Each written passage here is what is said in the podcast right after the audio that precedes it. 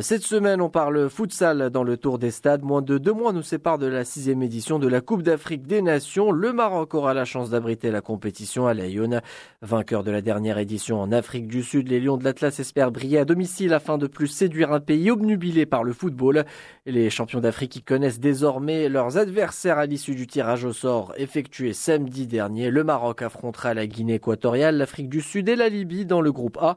Un tirage plutôt abordable pour les hommes de Hicham Dgig, le sélectionneur du Maroc, qui est notre invité de ce tour des stades. Il nous parle d'abord de ce tirage. Je pense que c'était une bonne chose de faire l'équipe du Maroc euh, comme tête de groupe et l'équipe d'Égypte parce que euh, la dernière canne, on était dans le même groupe, nous, l'Égypte, la Libye et aussi l'Angola. C'était un peu difficile, mais ça a été pour nous bénéfique pour la suite. Donc aujourd'hui, je, pense qu'on a deux, deux, groupes équilibrés. N'empêche que le groupe du Maroc euh, est légèrement difficile que celui de l'Égypte parce qu'il y a la Libye champion d'Afrique en 2008 et puis il a l'expérience d'avoir participé à une Coupe du Monde. Aussi, je connais très bien l'équipe de, la Guinée équatoriale qui ont pas mal de professionnels. Ils ont un coach espagnol. Bien sûr, l'Afrique du Sud, euh, qu'on connaît très bien. Le futsal est en voie de développement. Ils ont organisé la dernière canne, donc je pense que le groupe du Maroc est, légèrement difficile, mais euh, n'empêche que la compétition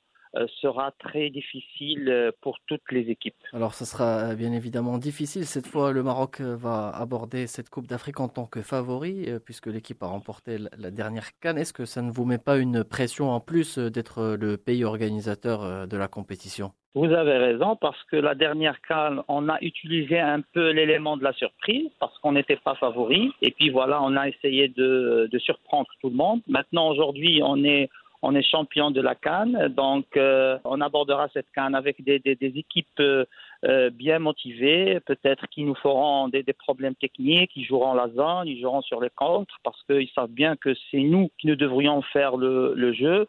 Donc voilà, mais nous, on essaie de se préparer à, à tous ces genres de situations pour être à la hauteur, euh, Inch'Allah. Alors, euh, c'est ce qu'on espère. L'objectif sera donc d'aller le plus loin possible, mais avant tout, bien sûr, une place en Coupe du Monde où le Maroc aimerait revenir. Bien sûr, c'est si on peut décrocher cette qualification, et ça sera vraiment une grande première que le Maroc soit qualifié à la Coupe du Monde futsal trois trois fois consécutives. Mais bon, maintenant, puisque la compétition euh, débutera le, le, 28 janvier. Maintenant, notre méthode sera de prendre match par match et puis, et puis voir euh, le, match qui suit. Donc, toujours pour nous, euh, la feuille de route, c'est toujours le, le, match le plus important, c'est le match qui suit.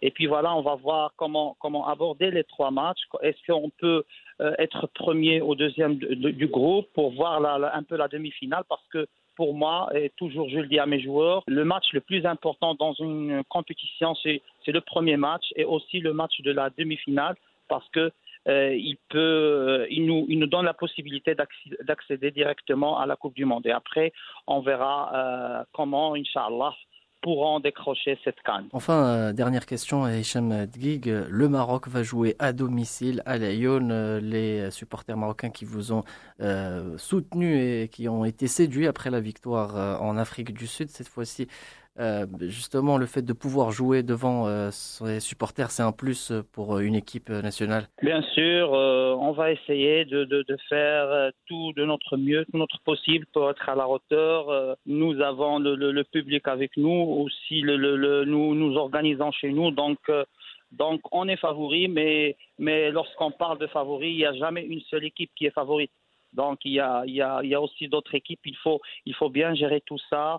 Euh, gérer le, le, le, rendement des joueurs, gérer les matchs, mais euh, on attend bien ce soutien du public pour, euh, pour essayer de décrocher la canne pour la deuxième fois, Inch'Allah. Le rendez-vous est donc pris pour le 28 janvier à Laayoune pour les amateurs de futsal. Sachez par ailleurs que le groupe B est composé de l'Égypte, la Guinée, l'Angola et le Mozambique. À noter que cette compétition opposant les huit meilleures équipes nationales du continent africain offre trois billets pour la Coupe du Monde de la discipline, organisée par la FIFA l'année prochaine en Lituanie.